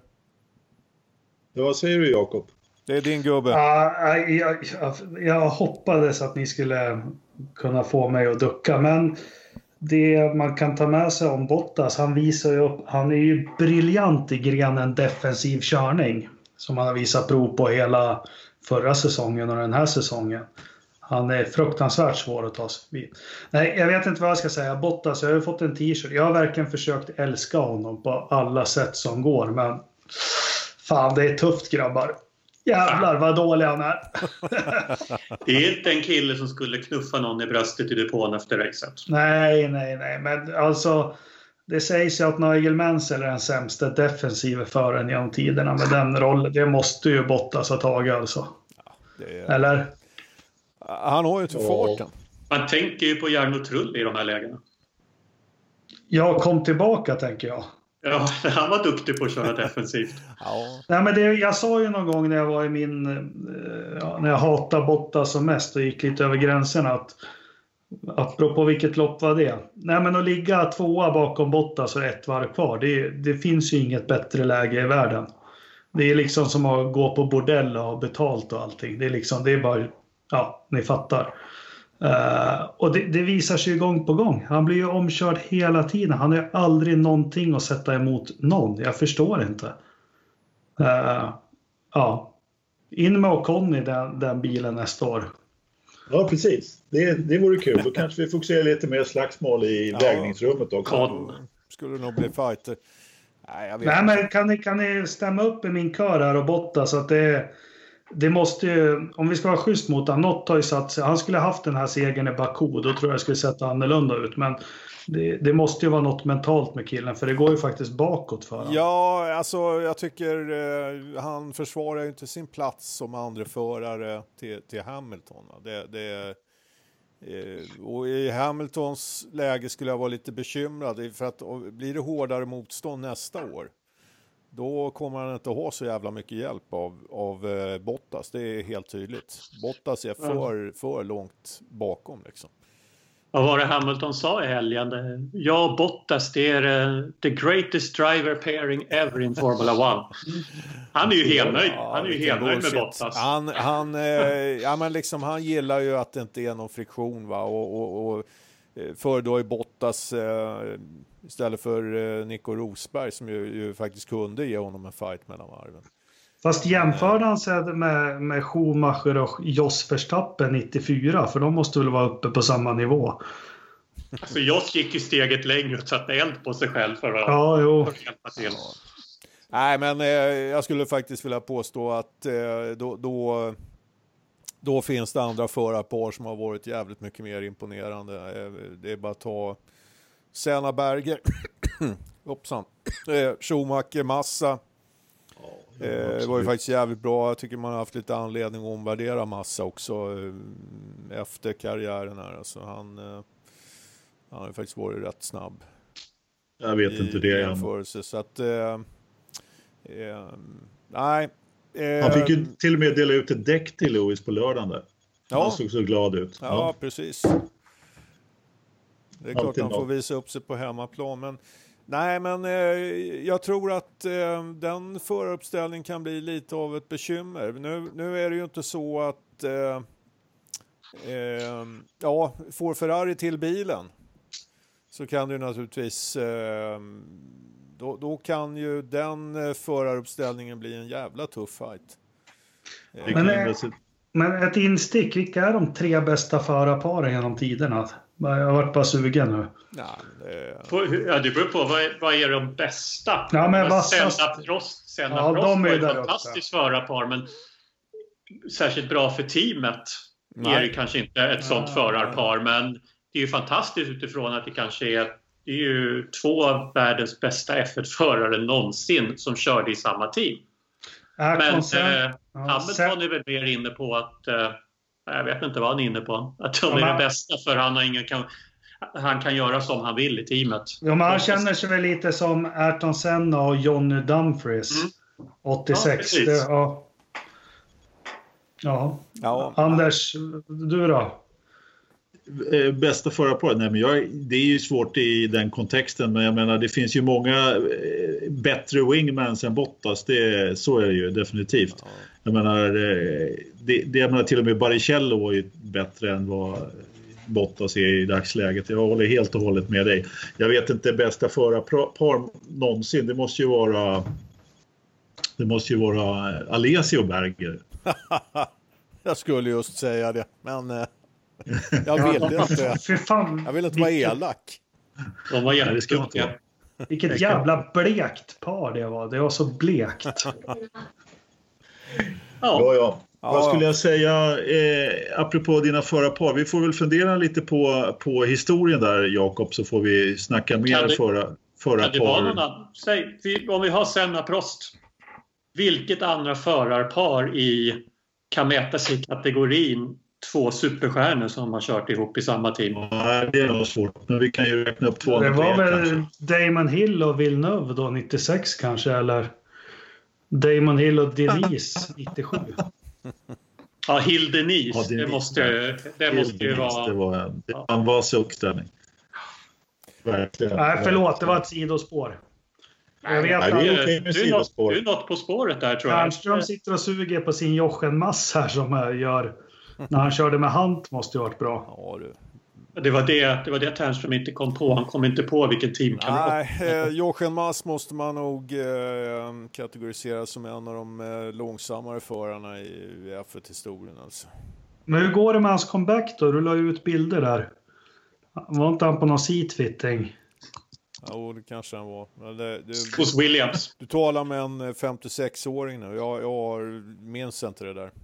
Nej, sorry. Nej, okej. Ja, Ja, men det var ju något Ja, ja. jag gjorde om, om någon seatfitting där. Men ja, det var säkert eh, tio poddar sedan. ja, Eller minst. något. Sånt kan man inte komma ihåg. Det går ju inte överhuvudtaget. Mm. Eh, ja, men vi hade ju ett annat litet ämne där om stallorder också. Vi, ska vi avhandla det också på en gång mellan Hartley och Gasly? Var det något att hetsa upp sig över, över att Gasly inte eh, flyttar på sig? Det var töntigt av honom. Det var så jävla töntigt. Förlåt att jag avbryter det. Gasly. Han försöker göra något, försöker bli något coolt som han inte är. Det var bara riktigt töntigt av honom. Han försökte liksom göra en markering att som de här stora gör. Ja, men som när Hamilton sa åt att ja, men Rosberg, då får han väl köra om mig då. Han försökte vara så cool. Jävla mes. Ja. Ja, men det, jag, håller, jag håller både med och inte med. Eh, alltså, det, det, det, blir ju lite grann som att det, det finns ett, ett formulär att fylla i för den som ska bli eh, som ska, som ska klättra i, i racingkarriären och det, det var väl kanske så att Gasly plockade fram det formuläret och fyllde i det där. Eh, så att eh, ja, jag, jag, jag vet inte, men samtidigt va, det är ju liksom, jag menar Hartley, Hartley är ju, eh, jag menar kan han hålla, hålla Hartley bakom sig genom att, att gasta i, i, eh, i radion va, så må ju det vara hänt. Varför körde, kör, hur fan Ja, gick det? alltså Körde, det- körde Hartley om? Eller hur gick det? Jag, kommer, jag minns faktiskt inte hur, hur den här fighten slutade mellan dem. Nej, men Hartley kom ju 11 till slut va? Mm. Och eh, vet du, eh, Gasly slutade ju 13 sen, Ja. sen till slut. Då. Men eh, alltså, jag, ja, äh, det, var, det är ju visst, alltså för Hartleys skull så är det ju klart att han har ju haft en katastrofsäsong och när han väl då har eh, liksom både fart och tycker att han har haft en bra strategi och alltihopa så är det klart att han blir lite sned på Gasly då. Men äh, det är väl ingen större grej att haka upp sig på. Jag har noll Egentligen, det- åsikt det- om Hartley-Gasly-grejen. Däremot har jag en bestämd åsikt om teamorder. Men noll åsikt om Hartley-Gasly-grejen. Det är bara, låt dem hålla på. Ja, men Det är, det är, kul, det är, kul, att, det är kul att Toro Rosso fick lite uppmärksamhet i det här loppet. För man har ju inte sett någonting av dem förrän Nej, efter loppet. Och det Hur, här. Så, fan, hur blir det med den där jävla Hondan då till nästa? Jag hade trott, du var inne på det Ola. Den ser väl inte ut att ta några steg, eller vad säger ni? det är ing- det är så svårt tycker jag att veta. Ja, I vissa lägen ser det ut som de har tagit ganska stora steg och så helt plötsligt så är de ingenstans. Så att, Nej, eh, de, de verkar ha fått till kvalfart men, men sen byter de ju. Det går ju sönder hela tiden fortfarande. Ja. Det är väl upp till bevis. Det är upp till bevis nästa år. Då, då får vi ju se. Det är, det är väl lite grann som McLaren i år. Det var upp till bevis i år och det visar sig tydligt var McLaren står som team. Ja, Och Ja, nästa, nästa år får vi en tydlig kvitto på hur, hur långt efter eller hur stora framsteg Honda har gjort. ja. Det är Ja, det lär vi nog definitivt få eh, med, med det track record som eh, Red Bull har eh, på chassisidan. Så helt Ja. klart, helt klart. Apropå chassi, höll jag på att säga. Eh, Mercedes tog sitt femte VM på raken. Ja. Toto börjar närma sig den där jätte, jättehöga bonusen det sägs att han ska få om han vinner. Vad är det? Sju VM på rad. Ja. Då får han Nej, väl men- Mercedes. Bry, bryr, vi om, eh, bryr vi oss om eh, konstruktörs-VM någonting? Är det någon Nej. som gör det? Teamen. ja, det handlar ju om pengar för teamen så det är klart som fan att de... eh, är, sen, sen, de sen, bryr sig sen, sen bryr sig, fa- alltså för teamen så är det ju viktigt. Va? Det, är- det är, jag menar till och med i andra klasser som eh, ST- STCC så, så kan en sån grej vara jävligt viktig för, för teamet liksom. Det, det, det, är- det är det ju absolut, men eh, utåt sett så eh, så har ju, har ju inte det något sånt där jättestort sportsligt värde. Och när Mercedes då vinner för femte, femte året i rad liksom, så ja, men det, det är ju så. Den, den, den som har byggt den bästa bilen vinner ju den här skiten. Det Eh, brukar vara så. ja, precis. Så det, det, det brukar ju sällan vara eh, någon sån här jättefight om, om Om man inte har. Renault-motor som Ola brukar säga. Hur menar du nu? ja, Nej, precis. men, eh, om man har byggt bästa bilen och har Renault-motor, då kan man ju inte vinna. Jakob, har du något att säga om konstruktörstiteln nu när inte Canturelli är med? Nej, det har jag väl inte. Jag har försökt ibland att bry mig om det, men det är väl kanske ingenting som, som gör mig sådär jättefuktig till mods eh, konstruktörstiteln. Jag håller ju oftast på, på en förare och inte på ett team. Men det var ju en fin bonus om, vad var de skulle få? 100 000 pund alla anställda i... Just det, Nej, 10 000 pund. 10 000 pund. 10 000 Var det, va? pund ja. Precis. 100 000 pund. Det hade varit på riktigt en bra bonus. Ja, visst. Men det lär nog bli några millar ändå i, i svenska kronor det där. Eh, hur många anställda har de tror vi? Drygt tusen va? Mm. Det är bara att räkna nollorna Mm. där så, så blir det några... Ja, det är pengar. Men ingenting om de vinner några VM till. Nej, tror du inte att han redan har eh, hyfsad bonus från Mercedes? Jo, men det sägs att han har en herre jätte jösses eh, kom och slå mig bonus att plocka ut om han vinner två eller tre VM till på rad. Att Ja. det är, eller att han vinner två till nu till och med 2020 innan nya reglementet. Så sägs det att han kan plocka ut en eh, mina barnbarns barnbarn behöver aldrig jobba mer i sitt liv. Bonus. Ja. Vem, eh, vem, får- vem talade vi om nu? Hamilton eller Toto Wolff? Tot- Toto Wolff. Så, Toto. Ja. Alltså han har ju redan en stek i Mercedes-stallet, eller i stallet, så att eh, jag vet inte, är det officiellt hur stor del den är? Men jag har i alla fall förstått att, eh, när vi ändå är inne på det, att hans del kanske är större än vad man skulle kunna tro. Är det någon som har något mer? Ja, jag har för, ja, nej men ehm, jag försökte forska i det där. Jag vet inte om det, det framgår någonstans exakt hur stor den är, men, ja. men den är ganska stor. Det är den. Han Ja. har ju ett gäng eh, rejäla backar med sig liksom. Ja, som han, och det var ju, det var ju, det var vad han höll på med. Han var ju risk, eh, Ja, eh, höll på med riskplaceringar. Eh, är riskkapitalist ja, precis Ja, innan precis. han eh, hoppar på. Visst, Så han har ju hittat ett gäng där som har, har ställt upp och tagit den här risken. Då, så att, eh, och det är ju en, eh, det är intressant att se hur länge kommer Mercedes att eh, hålla i här. För att, eh, Eller får jag bara flika in att enligt Mercedes själva så äger Niki Lauda 10% i teamet och Toto äger 30% i Ja. teamet. Okej. Och, eh, Ja, det är ju fortfarande en hyfsad del ändå. Mm. Och Mercedes äger 60 ja. Ja, men eh, då har vi väl snackat igenom Brasiliens GP lite grann. Eh, både upp och ner eller på att säga. Men eh, jag vet inte om det har hänt så mycket annat i motorsportvärlden. Det var väl här mitt under helgen som eh, McLaren då eh, lagom till de knep eh, sista platserna i loppet eh, talade om att de skulle köra Indy 500 med Alonso då och eh, dessutom den här gången med eget stall. Inte, men någon form av eh, samarbete lär det väl kanske bli med något av stallen, men under eget namn i alla fall. Vad säger du Jakob, ska det bli roligt att se eh, Alonso igen? Jättekul, jag hade hoppats spela säsongen men jag får nöja sig med att se det här spektaklet då. Men, äh, ja, men det är som jag sagt tidigare, jag är så enormt laddad och äggad inför den här Indycar-säsongen och omröstningen vi hade där, Felix eller Marcus och ja. Ja, och jag misstänker, jag tror Alonso gör något mer med Hinnopp. Jag tror inte det bara blir ett lopp. Det blir någon, Nej, men kan det vara så att det är McLarens resurser som eh, sätter stopp här? Kan det vara så att de kanske säger att de ska köra Indy 500 och sen så kör de, eh, vad heter eh, rundkursloppet innan där på Indy och kanske, kanske, kanske tar det därifrån liksom. För det är inga problem att anmäla en bil där till... Annars får väl den här sponsorn, vad heter den, Kimoa, får väl pytsa in lite. Kimoa, Alonsos eget märke. Eh, nej, men det är väl kul att eh, Alonso kommer att köra Indy 500. Det har varit en jäkla uppståndelse när han gjorde det i fjol. Eh, kommer säkert att bli det i år igen. Eh, eller förlåt, eh, nästa år blir det ju naturligtvis. Ja. Eh, vi är ju inte riktigt där ännu då, men eh, det, det som är roligt och som jag noterade är att Indycar har tydligen känt av ett väldigt stort ökat intresse från Europa när det gäller att kunna se Indycar nästa år. Så att som jag förstod det så, så sätter man nu upp ett, ett bolag för att hantera rättigheterna.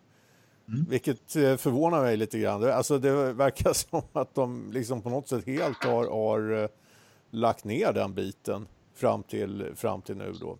Men eh, det indikerar naturligtvis att de eh, letar efter köpare då till, till rättigheterna.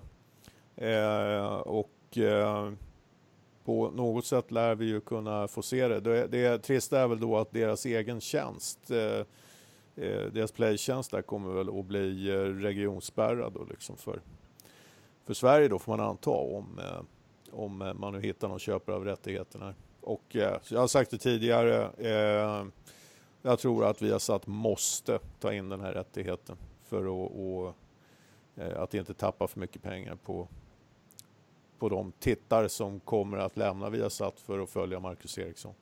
Men hur, hur känner ni tre då, eh, om ni tänker nästa säsong? Vi har, om det krockar ett Indy-lopp och ett Formel 1-lopp, vilket kommer ni titta på nästa år? Indy. Ola? Kommer det att krocka tidszonsmässigt egentligen? Men, men, men om det ja, jo, ja, jo, jag vet. Ja, ja. Uh, Indy, utan ja. tvekan. Alltså, ja, definitivt. Anders? Ah, jag, är, jag, jag, vet faktiskt inte. Jag är lite tveksam. Jag skulle nog se Formel 1 först faktiskt. Det beror lite på också. Formel 1 kan man ju alltid se i efterhand. Sådär. Det beror lite på vilken... Eh, men om jag hade möjlighet att se båda två i efterhand så skulle jag nog se Formel 1 först ändå, trots allt. Faktiskt. Ja, och jag har bestämt mig Indy. 3-1. 3-1, det var som fan. Ja. Jaha, ni är emot mig som vanligt ja. Vilka, ja. Ska vi, vilka ser vi helst i svenska kommentatorer för Indy då? Inga. Ja, men det har jag redan talat om, mm. vilka som är mina favoriter i alla fall. Har det jag. Vilka var det då? För de som inte det var jag. hörde det.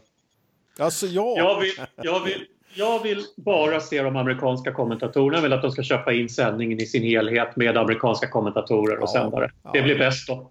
Jag eh, vill, jag vill att Ternström kör ihop med Flash.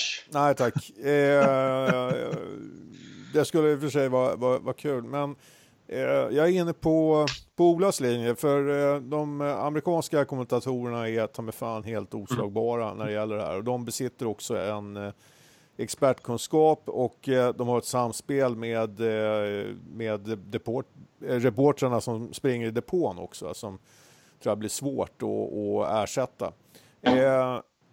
Det, det, det vi kan hoppas på Eh, om det är så att man vill ha svenska kommentatorer så är det ju faktiskt på det viset att eh, när Viasat sänder UFC så sänder de det både med eh, de amerikanska kommentatorerna och eh, svenska kommentatorer. Ja, men, så, så, det är bara att eh, välja. De kör ju en sån variant när, på Nascar också när eh, Ted pratar i reklampauserna där på. Och de är ju ganska många och ganska långa så det, det, kan ju vara någon sån variant man kör där också naturligtvis. Så det, det, det skulle ju vara kul.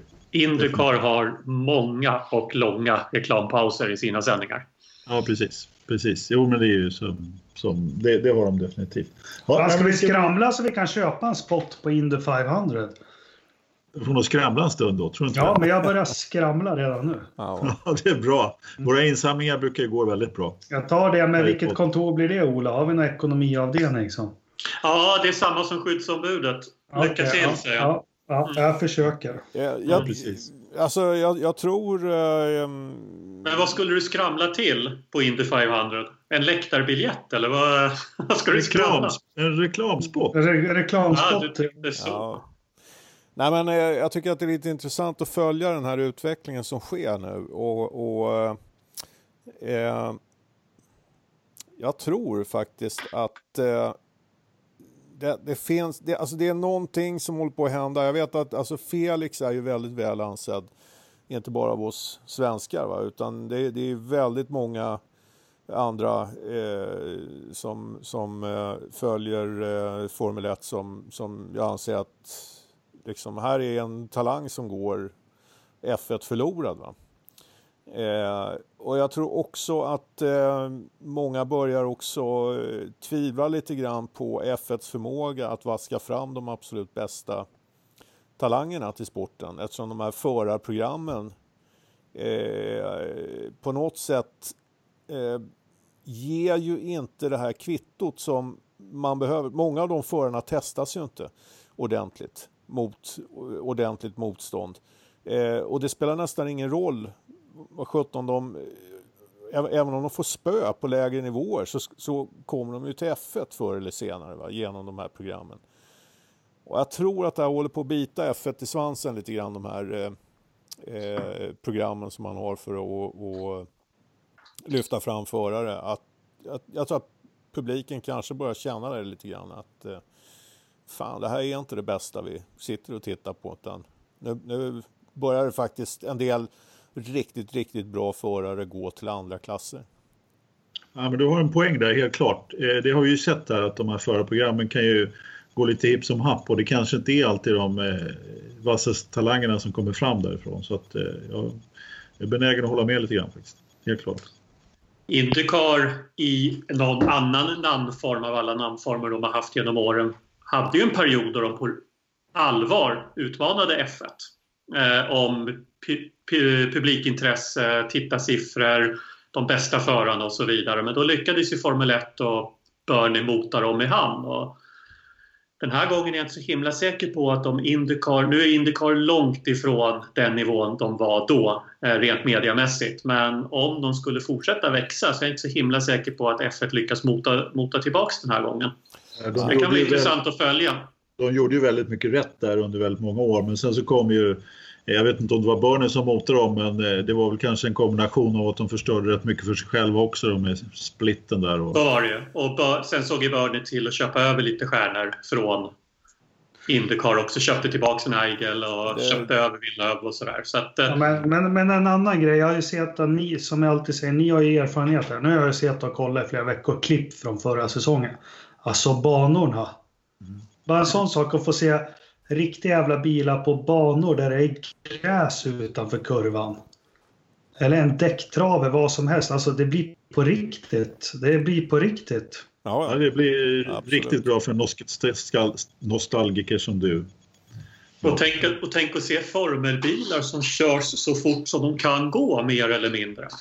Utan att köra på deltatider och utan att köra enligt plan C för att sen gå över till plan A för att vi sen skiftar till plan B enligt Delta.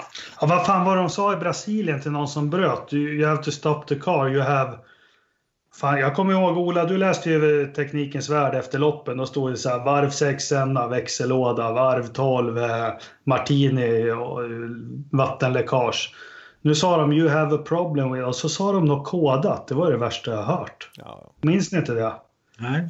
Nej. Ja, alltså, jag missade det i Brasilien men ja. det, det, det, du säger är väl lite grann poängen av det jag upplever i alla fall personligen att F1 är så otroligt överingenjörat nu att det tar bort spektaklet lite grann. Ja. Ja. Och Indycar upplever man inte det. Sen är självklart kommer vi att få se race i Indycar där någon chansar på en herrejösses strategi och ligger och sparar bränsle. Framförallt i ovalloppen där man brukar räkna flesta, hur många varv max kan vi köra på full tank och från det varvet så gör vårt sista påstopp och så försöker man stretcha stålkör man för att ha tjänat banposition. Men det upplevs ändå inte på samma sätt som i Formel 1. Där upplevs som att de är långt ifrån vad bilarna och förarna är kapabla till att köra. Ja. Eh, även när de ligger och spårar bränsle så ligger de eh, inte så långt bort från, från eh, varvtiderna. Så att, eh... Nej, helt klart. Men visst, Nej. det är lite bränslesparar där också, precis som du säger Ola. Det blir ju ganska tydligt på valerna naturligtvis, men det, det är mer en del av eh, spelets gång där. Mm. På, på, jo, men det, det blir mer utifrån strategi. Att hur långt ja. kommer vi på en tank? Vi kommer 30 varv. Okej, okay när det är 45 varv kvar och det är en säkerhetsbil, då går vi det på. Ja. Och sen stannar vi ute resten av säkerhetsbilsperioden och hoppas att det, vi kan köra det. det.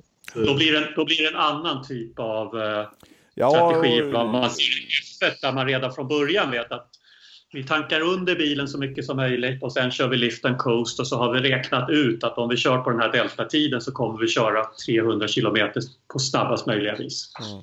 Utifrån förutsättningarna. Ja, det ska bli fränt med Indy. Ja, Kom det ska igen. bli kul att följa nästa säsong. Men får, kommer vi få se det i Sverige då? Ja, det är klart vi kommer få se det, herregud. På ett tror... eller annat sätt så kommer vi att få... Jag menar, de kan, det, det som Ternström säger, de kan ju fan, fast inte missa den här chansen att ta hem den här sändningsrättigheten. Lill-Erik, vi tror på dig och vi litar på dig. Kom igen nu. ja, det är bra. Ja, det, annars får han bli veckans förstappen i någon av poddarna. Vem är Stor-Erik? Ja. Vem är Stor-Erik? Ja, det var han som körde Saab på 50-talet. Ah, såklart. Okay. såklart. Självklart. Ja. Eh, Jakob, du hade någonting på hjärtat, någon tävling igen eller? Ja, en tävling. Det, blev du av med din eh, projektor? Nej? Nej, den var inte så populär, men den är fortfarande ligger ute som tävling. Jag har ju köpt på Wish en sån här man lägger på instrumentbrädan som projicerar hastigheten upp på rutan. Svinfränt är det. Eh, men nu har vi en ny, vi har faktiskt en som vill sponsra oss lite. Borgösundsfiskaren, fiskarn.se. Eh, man vinner antingen så får man vinna en eh, middag med en kall fin dryck med mig på bryggan där ute i sommar eller så får man fyra burkar egeninlagd sill till julen. Om man kan svara på vilken Formel 1-bana i historien har innehållit minst antal kurvor. Det vet Aha. jag. Ja, det vet ja, jag med. Men det var ju fantastiskt. Men du får inte säga det nu Ternström, för att nu har ju Jakob här fixat storsponsor. Ja, Fiskan.se i, i Borgösund. Ja. Antingen det man vinner det är en middag med mig på bryggan eh, sommartid eller så får man fyra burkar egeninlagd sill i olika smaker till julen. In och tävla! Ja, och om man gissar rätt på banan med flest kurvor, vad vinner man då, Jakob? Då vinner man en brunch med mig på bryggan. Okej. Okay. Ja, men det, det, är inte heller så jävla svårt. Det måste vara Singapore, va? Ja. Eh, ja. Va?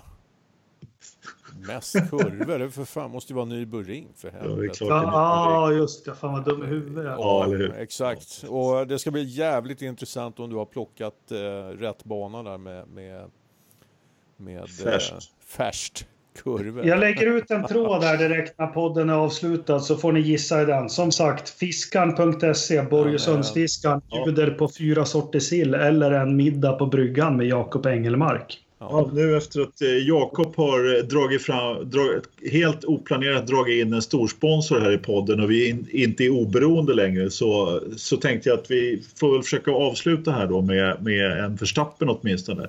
Jag hoppas vi är att vi kan lite göra. oberoende är vi. Det finns även annan fisk än sill. Ja, så. lite fisk. Strömming till exempel. Han har gös, gös också. Jaha, ja, okej. Okay. Ja, så kan det vara. Man kan också äta kött. Mm. Nej, det kan man inte. Det går inte. Eh, inte om man äter fisk. Eh, hör du, eh, Ola, du verkar vilja prata. Du kan väl eh, ta din eh, veckans förstappen då? Esteban Ocon. Ja, det var, det var klart. Det var kort och koncist. Eh, Ternström, har du någon eh, veckans förstappen? Absolut. Max. Vilken Max? Förstappen. Ja, Ja, Jakob. det, är så klantig får man inte vara som han var. Ehm, eh, Jakob, min veckans förstappen är att vi inte fick någon fart på racetråden Sandwart 1978. Jättetråkigt tycker jag. Uh, fy fan. Ja, det är min veckans förstappen. Det har så Ja, dålig fart. Jag, tänk, jag tänkte se det där i efterhand så jag vill inte gå in och riskera att få, få loppet spoilat. Nej, och Ternström han satte ju ner foten där så jag tror de flesta blev arga. Mm.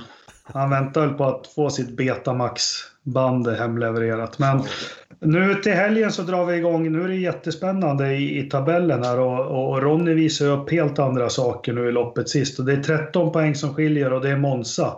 Och det är Ronnys tu, turbana. Jag har en bör- olustig känsla inför Monza. Ja, men Ja. vi börjar med en träningstråd här i veckan, så hjälp till att få fart på den. Ja, vi ska försöka. Eh, Och du definitivt. hade ju, Ternström, vad var det för jävla holländare som debuterade där? Vad hette han? Eh, eh, var, det- var det? Lekemo. Ja, vad fan, en 29-årig rookie från Holland. Alltså, det är som du skriver, vad fan ska det här ta vägen? Ja. Ja, Hur är, han, hur är han relaterad till Jeroen, Blekemålen? En ganska duktig racerförare. Ja. Ja. Holland är ett sånt litet land. Va? Så att Mm. det, det, det är... Eh, eh, de är släkt med varandra allihopa nu. Ja, det kommer aldrig bli någon eh, mer eh, racerförare i Formel 1 där sen. Hur du, eh, trevligt Jakob. Det var en eh, lång utläggning. Min veckans förstappen är ju naturligtvis Max Verstappen också. Och nu snodde ju Ternström den då, då men jag, jag tänker inte ändra mig utan han får en dubbel Verstappen i, idag faktiskt. Mm. Så är det med det. Det gör man sådär, eh, precis som du sa Ternström, så då, då, då blir man för veckans Verstappen. Så enkelt är det. Ja, det är bra. fan vad skönt att jag hoppat de senaste avsnitten i den här podden. Jag tror jag ska hoppa av några till här framöver. Jävla pajassällskap det här. Ja, hade du förväntat dig något annat eller? Nej, Nej. Nej. Mot, motsvarar de låga förväntningarna som Ja. finns. Ja, precis. Hörni, det snöar. nej. Äntligen. Ja. Ja, Idre! Ja, ja, ja, vad fan. Ja, ja. Nu vaknar Jakob. Ja.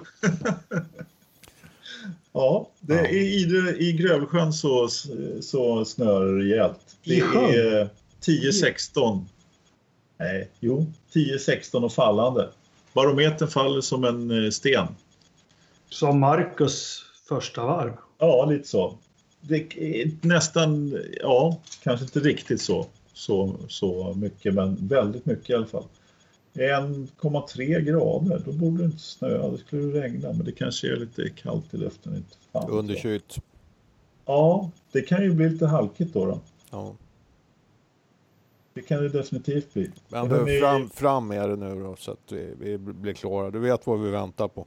Ja, syd-sydost 157,5 grader. Nej, Och vindavkylningen är 1,3 och dagpunkten är 0,1 och vindhastigheten är ju 0 då. Den brukar vara det tror jag. brukar vara det. är samma sensortillverkare som, som till Ferrari där på fett. Ja, det måste det definitivt vara. Ja. Eh, Jag misstänker att de har samma leverantör faktiskt. Det skulle inte förvåna mig det minsta.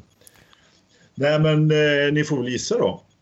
Ehm, ja, jag tror att... Eh, 44 grader. ja, jag tror att eh, termostaten är, den är inte riktigt injusterad. Så att nu... Nu har de slagit på utav helvete här. Inte riktigt lika mycket som Ola, men, men eh, jag tror att eh, det börjar dra iväg uppåt en, en 27-28 grader nu. 23,7. Nej, är ju- ni är, nja, jag vet inte vem av er som är närmast egentligen, men eh, 25,2 är det. Ja, ja, ja. ja. Ja. Inte så långt. 44 kändes som en ganska bra gissning. Ja, det var jättenära Ola. 44, det är, det är ju fantastisk tippare. Mm. Bastutemperatur. Mm. Ja. Ja, men tack för idag då gubbjävlar. ja, tack själv Ja. gubbjävel. Tack Det var väl inget att tacka för. Nej. Och men kul att vi var alla fyra igen. Ja. Det var inte ett Eh. dugg roligt. Vi har väl, Nej. ska du inte lite avslöja, vi har ju en jättegrej nä- nästa veckas podd. Ska vi, ska vi puffa lite för nästa veckas Det är, podd? ja, och nu är vi inte ironiska för det här är en världsnyhet i Sverige. Det är en faktiskt. stor världsnyhet i Sverige. Vi hoppas att vi får med oss en, eh, en gäst i nästa veckans podd som heter eh, Christian. Eh, jag vet inte hur mycket vi ska avslöja men det kommer att bli en, eh, det kommer i alla fall bli en filmsnutt filmad Det- och det kanske skålas lite och sådär. Det, och det är, det är garanterat Sverige-premiär. Ja. Ja. Och Christian är jävligt snygg, har Anders sagt också. Ja. Med tanke på att vi ska filma och ju... Nu ska vi ju filma Tärnström då, då men ändå. Så Ja, nu är Christian det kanske Ja, med också. Ola ska fan med vara med på ett hörn också. snygg-Krille och snygg-Jocke. Ja, ja. det blir spännande. Det blir spännande. Ja, men det, vi, det här är ju faktiskt det är helt unikt. Vi ska försöka, ja, jag tror det kommer slå i hela världen. Ja, Ja, absolut. Vi kommer att ha minst ett par tit- eh, lyssnare till nästa Fast vi, vi bränner inte av allt nu. Nej, nej, nej, nej, nej. Det var du som började. Så att, Ja, eh, förlåt. ja. Eh, lyssna frågor tack. Börjar bli dumt. Jag fick en från Thomas Karlberg. Han frågade när de började med stående start i Formel 1. Då svarade jag fort att det har de all, alltid haft. Eh, men vi vill ha mer lyssna frågor. Ja, ja, men det är ju alltid trevligt om vi får in eh, några stycken. Du, kan väl, Eh, du är ju vill- duktig på att starta trådar, Jakob. Ja, vilken bana i Formel 1 har minst kurvor? Jag skulle vilja ha den informationen. Ja, precis. den kommer. Men jag har Ola, om man tar bort alla slirskydd och allt på ett RC-lok. Vet du vad det gör 0 till 100 på då? Jävligt snabbt. 13 sekunder har jag för mig. Det är snabbt det. Mm. Det Det är var som en... lite... Eh, Jag vet in- inte vad det är som. nej, vilken sorts information det där var egentligen. Nej. Men, eh, ja. Fick jag lä- lära mig när ASEA firade 100 år i Västerås 1983. Så fick jag den informationen. Så till de här provvisar de det. Så här lite lokförar... Sveriges näst fulaste stad. Mm. Ja, det med. Nej, men hörni, nu är vi färdiga. Nu slutar vi tycker jag. Med eh, 0 till 100 på 13 sekunder för ett RC-lok. Mm. Utan eh, slirskydd. De hittade den där gubben i USAs GP som satt och gjorde ljud. Det tyckte jag Ja. Ja. Hur, hur, hur, hur man inte avslutar en podd. Fast jag har ju det alldeles för trevligt nu hörni. Ja, okej. Ja, det är du ensam om. Nej, vi fortsätter på Messenger grabbar. Ja, Gör- ha det gott. Ha det Tack ska ni ha. Hej. Stackars lilla flicka, vad ska du bli? Dun-dun-dun.